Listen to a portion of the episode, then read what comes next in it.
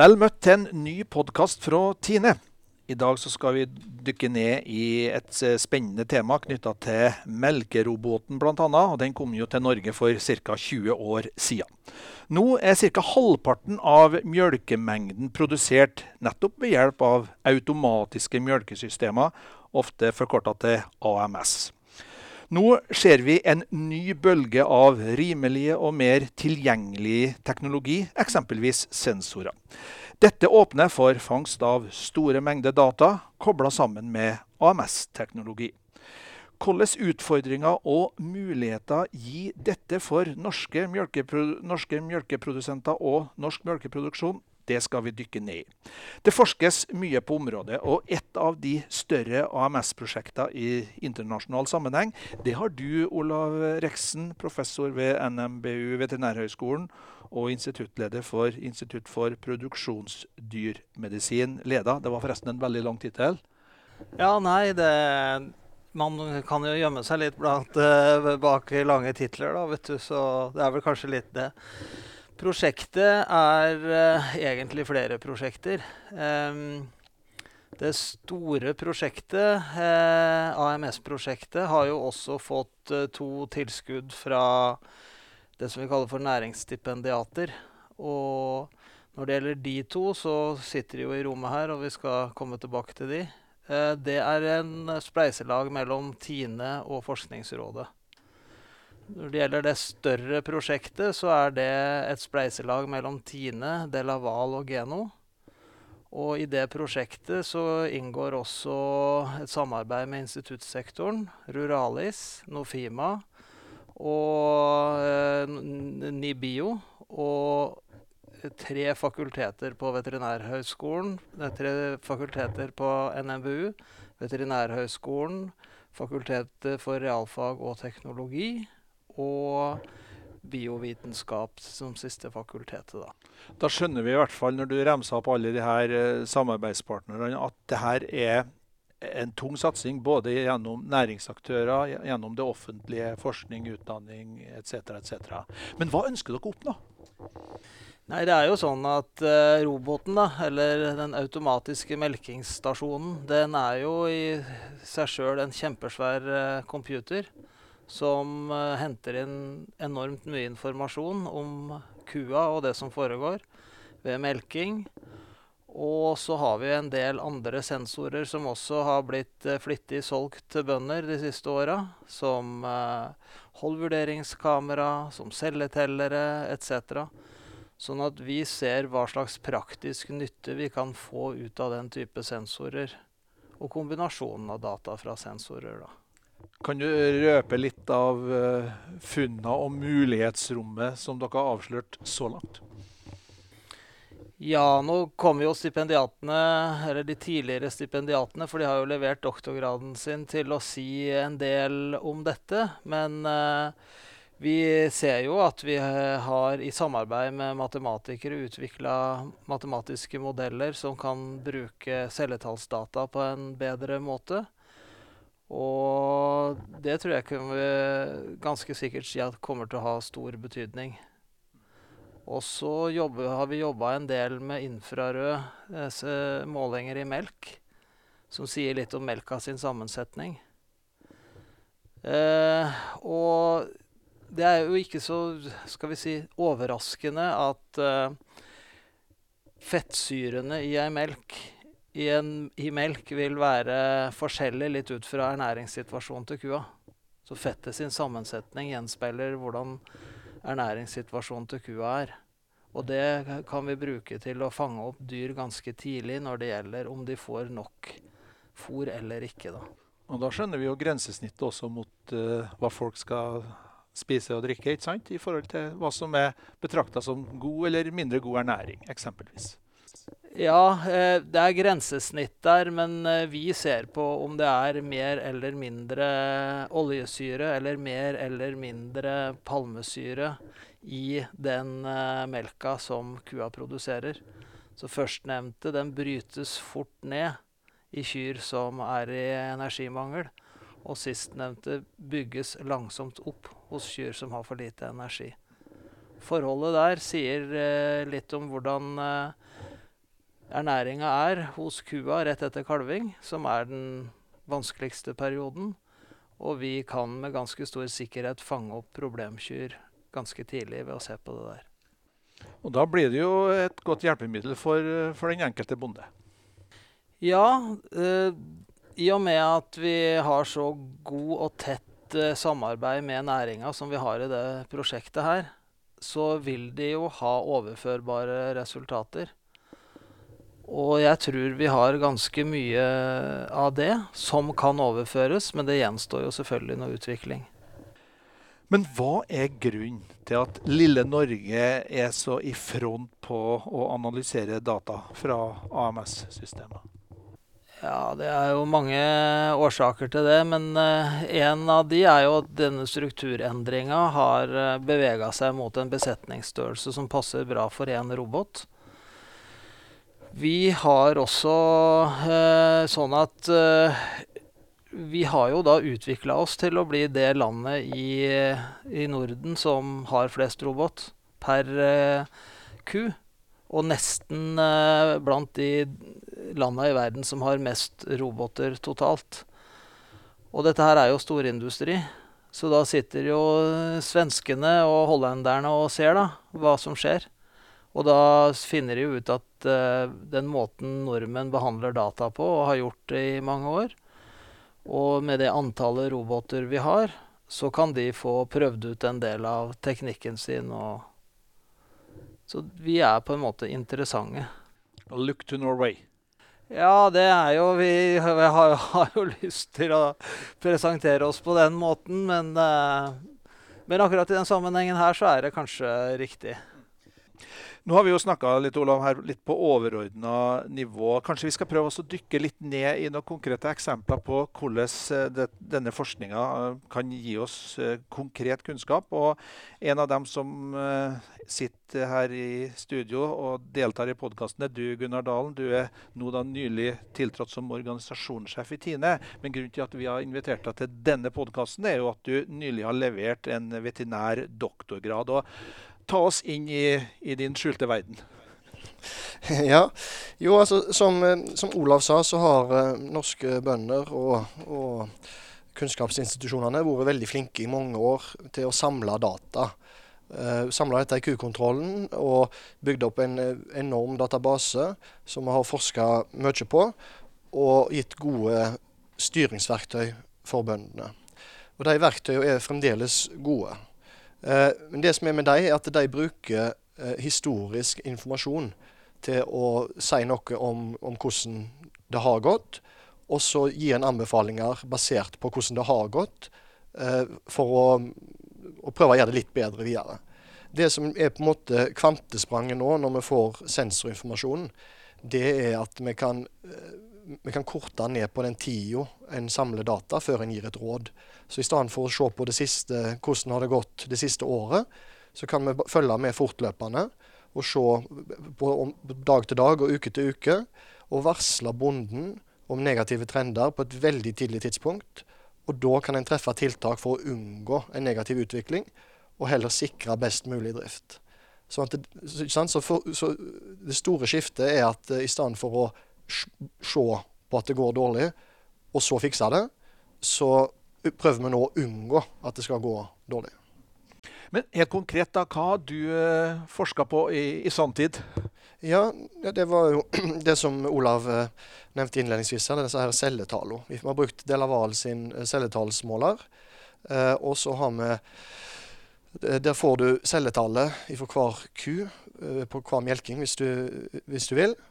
og det blir enorme mengder informasjon. Og eh, som eh, bonde så blir du egentlig bare svimmel av å se på det, for disse hopper opp og ned i verdier og fram og tilbake. Eh, så der er en avhengig av datahjelp da, til å skjønne hva er det som egentlig skjer i kua. Så da har vi brukt en dansk algoritme som er, er utvikla på klinisk mastitt, altså kyr som du ser er, er syke og som ofte trenger behandling. Og så har vi tatt den danske algoritmen, altså en algoritme det er bare et dataprogram, som har tatt det danske dataprogrammet, og så har vi testa det på kyr som da har en infeksjon i juret. De har ikke vært syke, men når vi tar prøver av dem, så finner vi en bakterie. Og så ser vi kan vi bruke det dataprogrammet til å finne de kyrne. Og ja, det kan vi. Vi kan både finne enkeltkyr med infeksjon i juret, og vi kan òg eh, anslå hvor mange kyr det vil være med en infeksjon i framtida. Hvor, hvor, stor andel av besetningen. F.eks. om 100 dager. Så da kan vi både finne enkeltkua, og så kan vi si noe om situasjonen i din besetning blir bedre eller dårligere i framtida. Hva kan bonden slash veterinæren da gjøre? Ja, altså Hvis det er snakk om sintids utvel, altså hvilke kyr skal du ta prøver av for å sende til mastittlaboratoriet før avsigning, ja, så kan du bruke eh, sensoren til det til å finne de enkeltkyrne. Eh, så det er den biten. Det andre er jo på forebyggende helsearbeid, eller om du om du Altså årsak til dyrhelseproblem, ja, så kan du bruke dette eh, dataprogrammet og den modellen som vi har utvikla ved hjelp av matematikere på NMBU. Du kan bruke den til å finne ut hvorfor går det dårlig.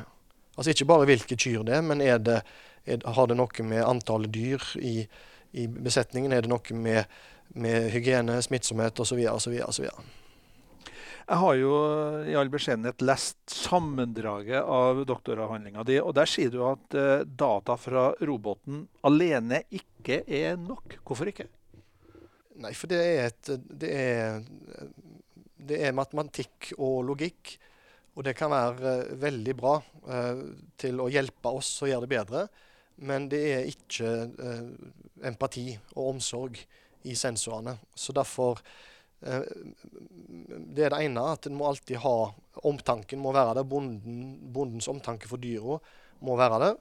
Og det andre er at det er jo ikke perfekt, disse systemene.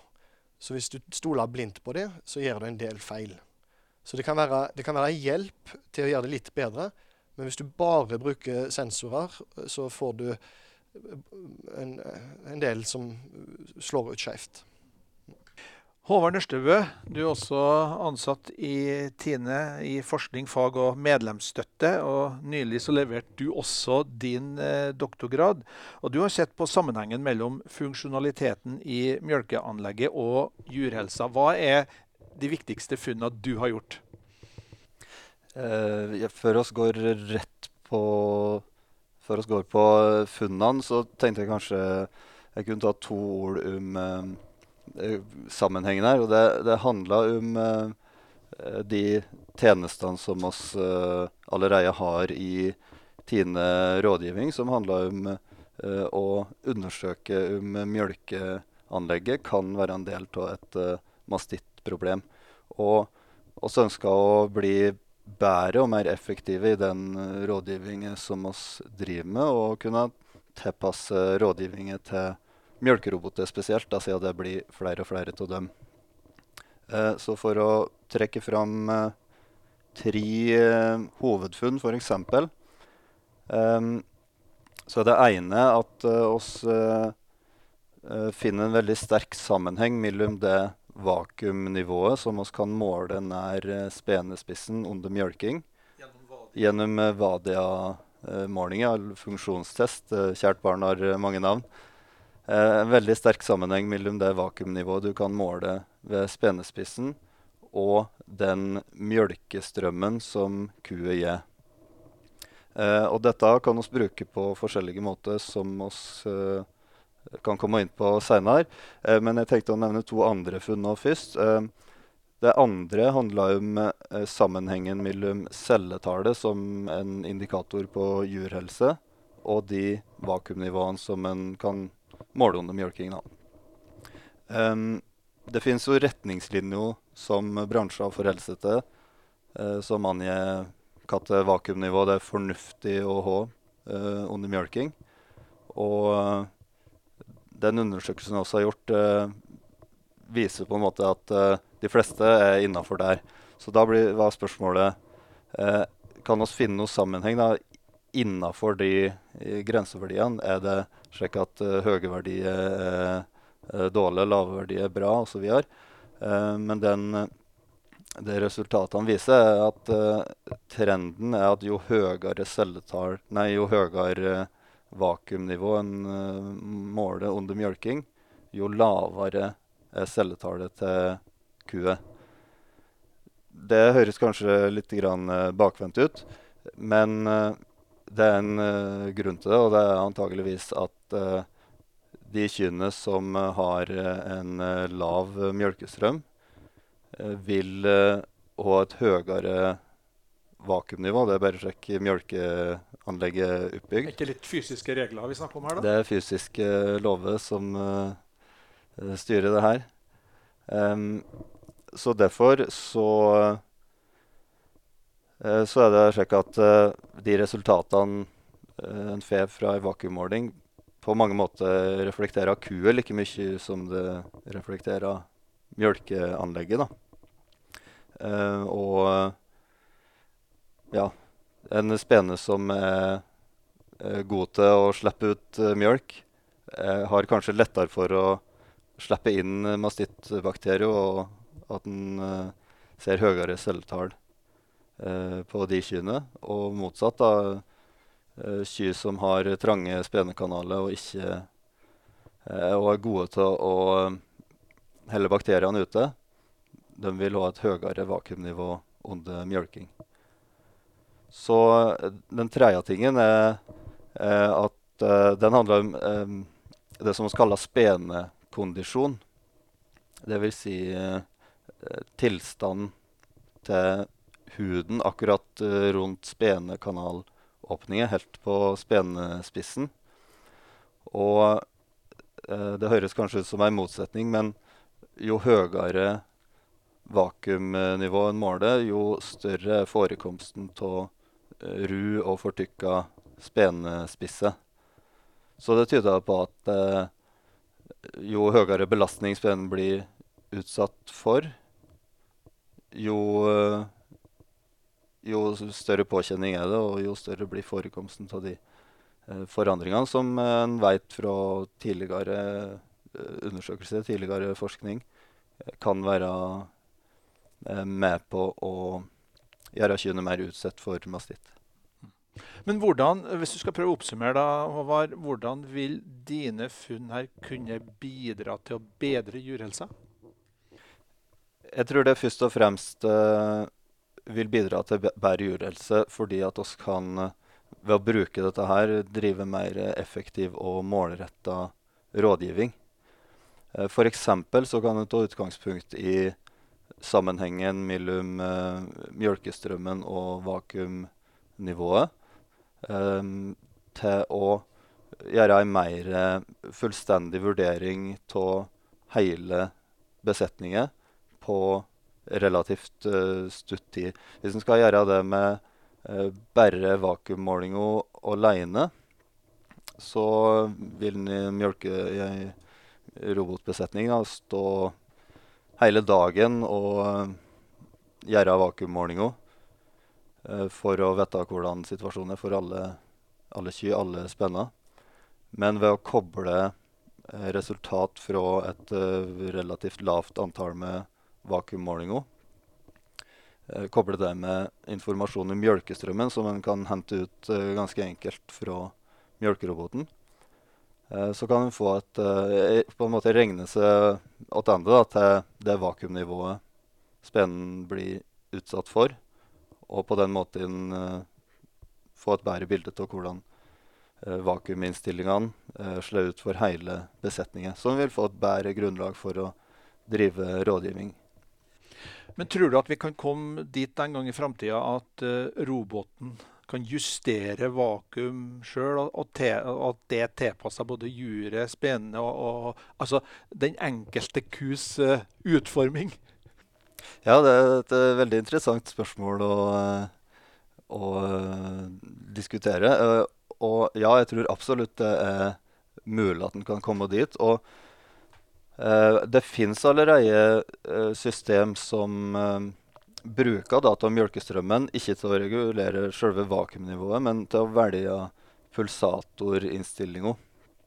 Eh, så en kan jo tenke seg at en eh, kan få et lignende system som i tillegg justerer vakuumnivået for å, få, for å unngå for eh, hard belastning på f.eks. seinmjølka kyr, som er mer utsatt for å få stygge spenspisse ved et normalt uh, anleggsvakuum. Det er jo det som er interessant her òg. Det du sier, er at um, høy melkestrøm og lavt vakuum, da kan det være større sjanse for å få en infeksjon. Samtidig uh, så er høyt vakuum det er større sjanse for å få skader på spenen. Sånn det, om, det, blir jo snakk om å finne noe som er perfekt for hver besetning og hver ku. Og det kan jo bli veldig bra hvis en får, får, til det. Ja, og så må man òg tenke på at uh, summe besetninga har kanskje uh, høyt belegg på roboten og må tenke mer på uh, ei effektiv uh, mjølking.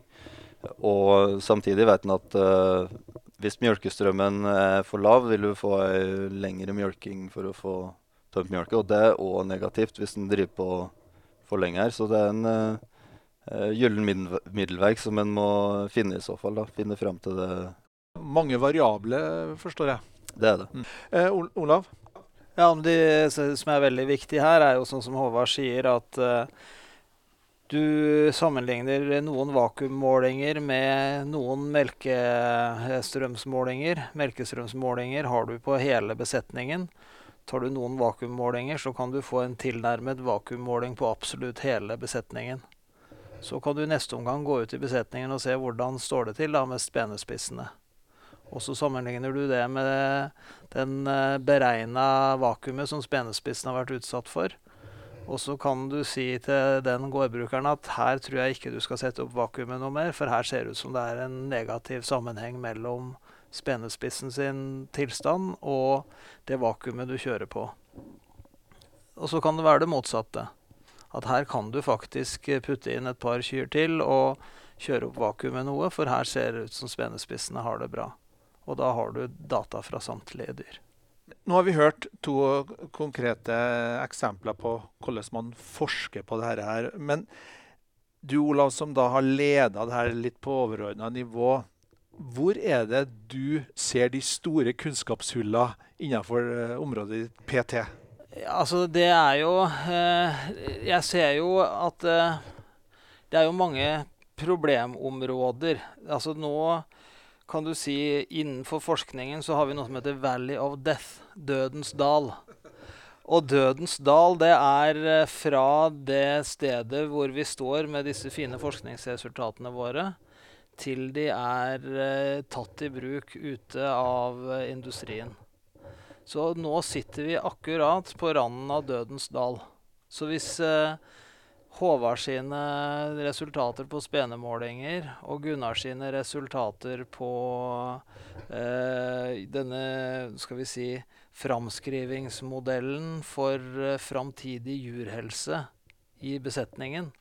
Hvis de blir eh, implementert, da. Tatt i bruk, for å si det på godt norsk. På, ja, vi må bruke litt norsk og innimellom. Hvis de blir tatt i bruk, da har vi hoppa over dødens dal for de to. Og så har, er brei den her Dødens dal, du? Eh, den er uh, ofte breiere enn én en forsker greier med ett steg. så det hender seg med å ha litt hjelp. Nei, så, så det, er jo, det er jo en utfordring. Og så er det jo nå engang sånn at uh, når man sitter eh, på kontoret, salgskontoret til Leli eller salgskontoret til Delaval, så kan man bli veldig begeistra for hva en sensor kan gjøre.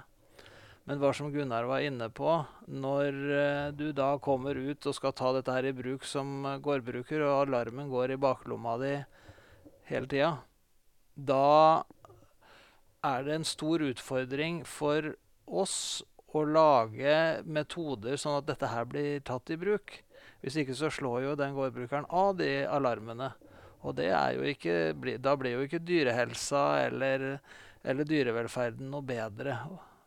Selv om han har mange, brukt mye penger på duppeditter. Så det er kanskje en av de største utfordringene, tror jeg. Det er det flere som vil si. Ja, nei, Jeg ville bare legge til når vi prater om uh, Dødens dal, at oss uh, prøver jo nå å ta det steget og få ut uh, kunnskapen til de rådgiverne som kan bruke kunnskapen til det beste for gårdbrukerne.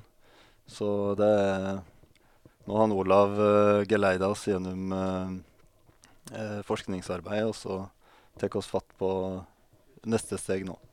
Kukontrollen ble nevnt her som et stikkord, og det har jo vært, og er fortsatt en viktig kilde til data i forskning innenfor melkeproduksjon. og Det har det vært i mange år. Og Om lag 30 doktorgrader har basert eh, sin forskning på data nettopp fra kukontrollen.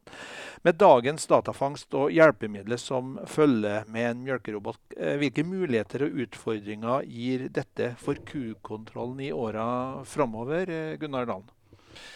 Ja, altså det er jo det er en par ting. altså Du skal ikke bare fange data, du skal, du skal få de til land òg, holdt jeg på å si. Så det er kanskje en hovedutfordringen at det nå blir det blir laga eh, eller registrert og samla enorme datamengder på norske melkegårder. Eh, men i altfor mange tilfeller så stopper det opp i PC-en på fjøskontoret. Uh, og der blir det fortløpende sletta etter hvert som databasen er full. Og så er de dataene borte for alltid. Sånn at Det første det er jo faktisk å sikre at disse dataene um, kommer inn i en, en, mer sentral database. og Der har en jo da lagd Mimiro, da, som en håper skal få til dette. Uh, og, og, at en skal få tak i dataene, sånn at vi kan bruke de uh, videre. Det er det ene. Det andre som er en utfordring, er at altså, Q-kontrollen inneholder Eh, dat, min, mindre hyppig data, men den er godt eh, altså validert, som som en sier, den er godt kvalitetssikra, den dataen. Eh, det vi vet med disse sensorene, er at de kan være litt ustabile. Og, og de kan skli litt ene veien og litt andre veien. Som gjør at du at sensordata vil alltid være Det kan være veldig nyttig på den gården det er, men du kan ikke nødvendigvis overføre det til en annen gård med den samme sensoren, fordi at de oppfører seg litt ulikt. Sånn at eh, du må eh, Når det gjelder å dokumentere norsk melk, dokumentere eh, fortreffeligheten på den, så vil den type kukontrolldata fremdeles være viktig for, for, for, den biten av det, hvis, hvis det er forståelig. Mens når det gjelder styringsverktøy, så er det sensordata, tror jeg, i framtida. Og det å få dem inn i en sentral database, sånn at vi kan videreutvikle disse dataprogrammene og gi bedre og bedre beslutningsstøtte. For det er jo akkurat det der med hvor uh, solide og akkurat er disse dataene. Fordi vi har jo også i AMS-prosjektet funnet uh, genetiske korrelasjoner mellom Oi sann, nå ble det litt vanskelig. Uh, vi har funnet en genetisk effekt som vi kan bruke i storfeavlen. På hvor ofte kyrne sparker av seg i, i, i eh, roboten. Og det som eh, da er en, skal vi si, en tradisjonell eh, måling av lynne. Sånn at ei ku som sparker av seg ofte i roboten, har mange ufullstendige mjølkinger. Der er det også en sammenheng med lynne. Og da går det an å ta robotdata og avle for lynne. Men det er klart, da bør jo kriteriene for avspark være like mellom roboter. Eller så avler du for noe som du ikke veit hva er. Og sånn er det ikke i dag? at det Du kan si det at uh, det er jo bra men uh, sensorer kan, sånn som Gunnar sier, de kan uh, i løpet av tid så kan de begynne å gå i den ene eller den andre retningen. Sånn at for å ha gode data, så må disse uh, sensorene kvalitetssikres jevnlig, da. Men hvordan er da samspillet mellom de store mengdene som kommer fra sensorer og kukontrollen i framtida? Hvordan ser vi for oss det samspillet? Ja, nei, Det blir jo spennende å se, da, men jeg tror, eh, jeg tror at, det, at, vi vil se en todeling. Der den ene, den ene, biten går på dokumentasjon. Altså mer kvalitetssikra data som dokumenterer forhold i fjøset og, og, og, og melkeråstoffets egenskaper. Det ligger til kukontrollen? Ja, ja, eller om hva, hva, det vil hete. Men ja, i, i dag er det kukontrollen som, som, har mye av denne informasjonen. Mens det som gjelder måte, beslutningsstøtte for den enkelte bonde på den enkelte gård, det tror jeg vil ha mer med sensorer uh, og den type ting å gjøre. Uh, men det som er fascinerende, er hvis vi klarer å få det inn i Mimiro, eller, uh, så kan en faktisk gjøre Forbedre disse dataprogrammene fortløpende og, og, og gårdstilpasse dem. Det klarer vi ikke hvis, hvis bøndene kjøper et dataprogram en hyllevare og, som, og trykker på play på sin gård, og så, så, går den sånn som den er, uten å bli forbedra. Men hvis vi får det inn i systemet, så kan vi faktisk altså, opp oppgradere programmet da, og holde det gående lenger, så en kan slippe å kjøpe nytt hele tida. Vi har jo snakka om denne teknologien knytta til bl.a. jurhelse. Og jurhelse handler også bl.a. om dyrevelferd. Men hvis vi løfter opp dyrevelferd på et mer generelt grunnlag, da, og dyrevelferd er jo liksom veldig inn i, i tiden, hvordan kan denne teknologien som vi nå snakker knytta til AMS, hvordan kan den ha betydning for eksempelvis dyrevelferden overordna? Olav? Jo, altså jeg mener dyrevelferd og helse er jo eh, godt knytta til hverandre.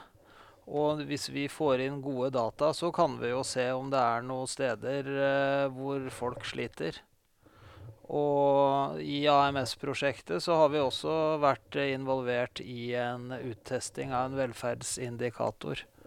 Som, eh, hvor det går inn, inngår flere parametere. da. Så, og så kommer vi ut med en uh, indikasjon på om dette her er en gård med en god eller dårligere dyrevelferd. Ja, dette er jo den dyrevelferdsindikatoren som, har, som kommer nå uh, utover uh, vinter-vår. Så dyrevelferd kan, kan dra nytte av, av den, de store datamengdene som, som, fanges her? Siden jeg nå da har fått rollen som visjonær i denne podkasten, så tror jeg faktisk at det å dokumentere dyrevelferd vil være et mulig eh, handelsfortrinn for Norge i framtida. Sånn at den eh, muligheten vi har til å sette dyrevelferdskriterier på det vi skal selge og spise her i Norge, den tror jeg vi skal ta alvorlig. Håvard, du var inne på dette med bl.a. at uh, kunnskapen her gir grunnlag for bedre rådgivning, og at rådgiverne blir, blir oppdatert. Men kan vi komme dit hen at uh, data fra roboten og andre kilder blir en ny digital rådgiver til erstatning for den menneskelige rådgiveren? Det er et uh, stort spørsmål. Og en kan jo tenke seg det, men jeg veit ikke om jeg vil ivre for at vi skal helt dit. Jeg tror fortsatt det vil ha stor verdi for gårdbrukerne at en kan uh, diskutere problemstilling og ansikt til ansikt med en uh, fagperson som uh, ser hva andre gjør, hvordan andre løser problemet. problem. Um, og likeens så tror jeg ikke en kommer helt dit at en kan nesten slutte å gå i fjoset. Jeg tror det bare blir enda mer viktig at, en, at gårdbrukerne har et uh, godt øye for dyrene. Og i tillegg til uh, alle sensordata og uh, digitale verktøy klarer å se dyrene og fange opp ting som kanskje ikke sensorene klarer å fange opp. Du vet, hvis en kan nesten snu litt på problemstillinga, fordi det har vært en utrolig effektivitetsøkning Sånn at en mjølkebonde i dag produserer jo mye mer kilo mjølk og kjøtt per år enn vedkommende gjorde for bare ti år sia. Denne personen og disse personene trenger jo et eller annet hjelpemidler til å fokusere oppmerksomheten for hvor de skal sette innsatsen når det gjelder stell og røkt. Og der kan sensorer og programmer og algoritmer og datafangst etc. være med å hjelpe. Men det er jo den menneskelige avgjørelsen og faktoren som må inn for å gjøre det siste delen av jobben her. Så det tror jeg på en måte at dette her Jeg, jeg tror det er det vi driver med.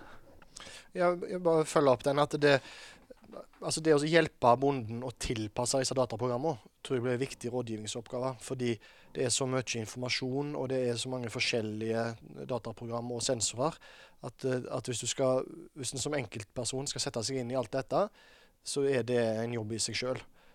Så det tror jeg det vil være både nyttig for eget velvære, men også kostnadseffektivt å få hjelp av rådgiveren sin til å stille inn disse alarmene som Olav uh, nevnte på. På, altså, på min gård, eh, hvor skal grensa være for den og den sensoren? Og hva skal jeg gjøre når det er utslag på den og den alarmen? Det kan jeg få hjelp til av rådgiveren. Men jeg syns jo hører at dere sier at det blir ikke noe mindre behov for å være i fjøset rent fysisk for, eh, for drifterne av, av, gården? Nei, altså det er mange interessante deler av denne her strukturendringa. Og vi har også studert de sosiale eh, og menneskelige faktorene som er involvert her. Så robotbonden, hvis jeg kan bruke det uttrykket, er mer fornøyd med hverdagen enn bønder som ikke har robot. Men vedkommende jobber mer. Det er jo på en måte et, skal vi si, en uh, motsetning. Men de er fornøyd. De er mer framtidsoptimister. Og de kan kjøre barna sine til uh, spilling og trening og har en annen frihetsgrad.